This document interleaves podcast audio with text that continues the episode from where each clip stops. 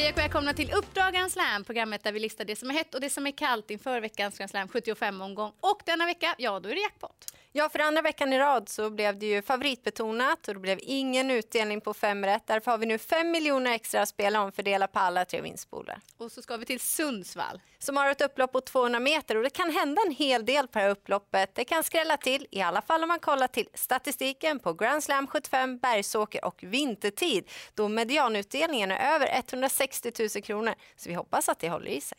Bra information att ta med sig när man ska analysera omgången. Nu bjuder vi på veckans heta.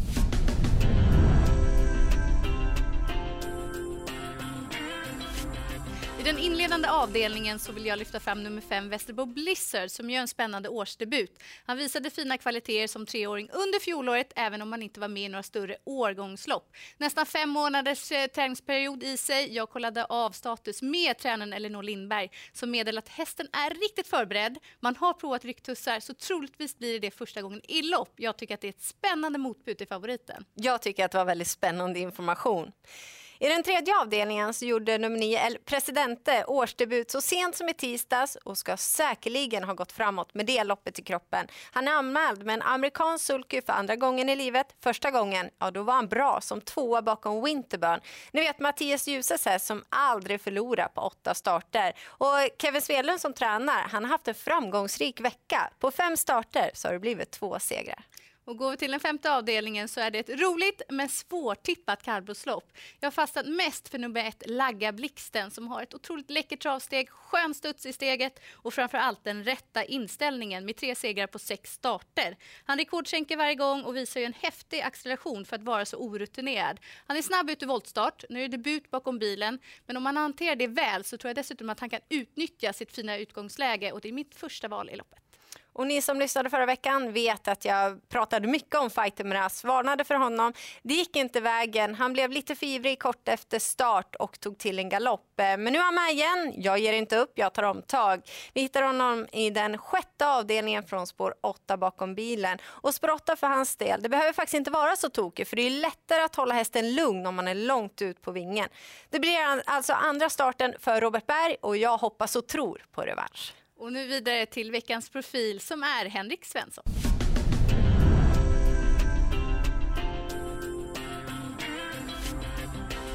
Då säger vi välkommen till Henrik Svensson som under fjolåret dubblade inkörda pengar som kusk och inlett året starkt med bland annat två V75-segrar och 18 i segerprocent. Är det lite ny satsning som catchdriver, Henrik? Nej, det är väl inget medvetet så, men det har blivit så. Jag har kört väldigt fina hästar och våra hästar sprang också väldigt bra under fjolåret. Så att, eh, ja, det har blivit så helt enkelt. Då tar vi fokus till söndag där du kör flera spännande hästar. Om vi börjar med Weekend Fun, nummer åtta i den fjärde avdelningen som du dels körde under fjolåret en gång och sen nu senast på Sovalla. Vad hade du för känsla kring honom? Ja, jag tyckte han gjorde ett bra lopp på Solvalla.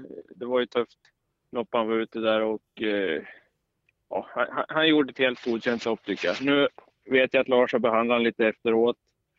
Eh, så att jag har inte riktigt koll på hur, hur han är för dagen. Men jag vet att han ska vara fräsch i alla fall efter det och eh, hoppas, hoppas det ska gå bra här på söndag.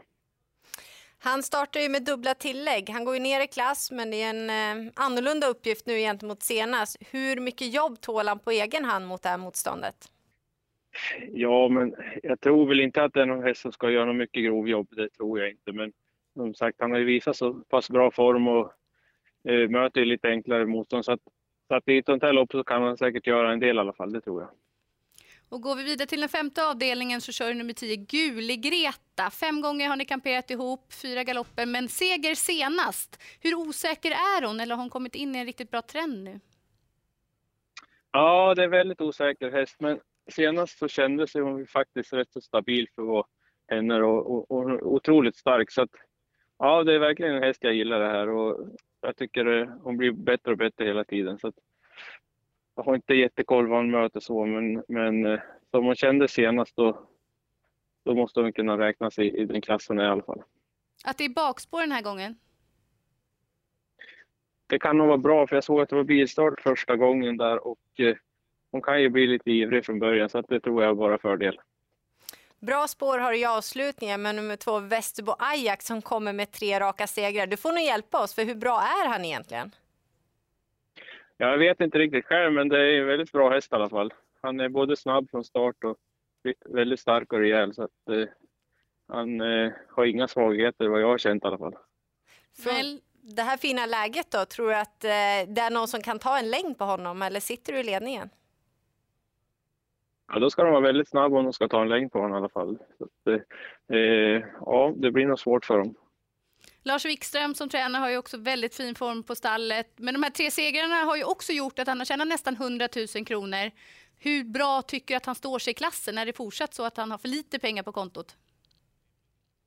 Ja, men det är klart att man ska ha respekt för motståndaren nu när man möter lite bättre hästar. Och, eh, jag, tror, jag tror att en häst som kommer duga på V75 framöver. Så att, eh, han, han, ska helt klart ha bra chans även på söndag. Även om jag såg att det var en del väldigt bra hästar han möter så, så, så, så tror jag det. Och som vanligt vill vi veta vilken du tror mest på på söndag. Ja, men det är ju Västerbo Ajax. Då tackar vi så mycket för informationen Henrik och lycka till. Ja, men tack så mycket. Vad säger du om det Jennifer? Väldigt utförlig information. Ja, väldigt utförlig och framförallt eh, var han ju klockren när jag frågade om bästa chansen var. Det var ingen tvekan där utan det är Västerbo Ajax spets och slut hoppas man ju på. Då går vi vidare i programmet nu till veckans kalla.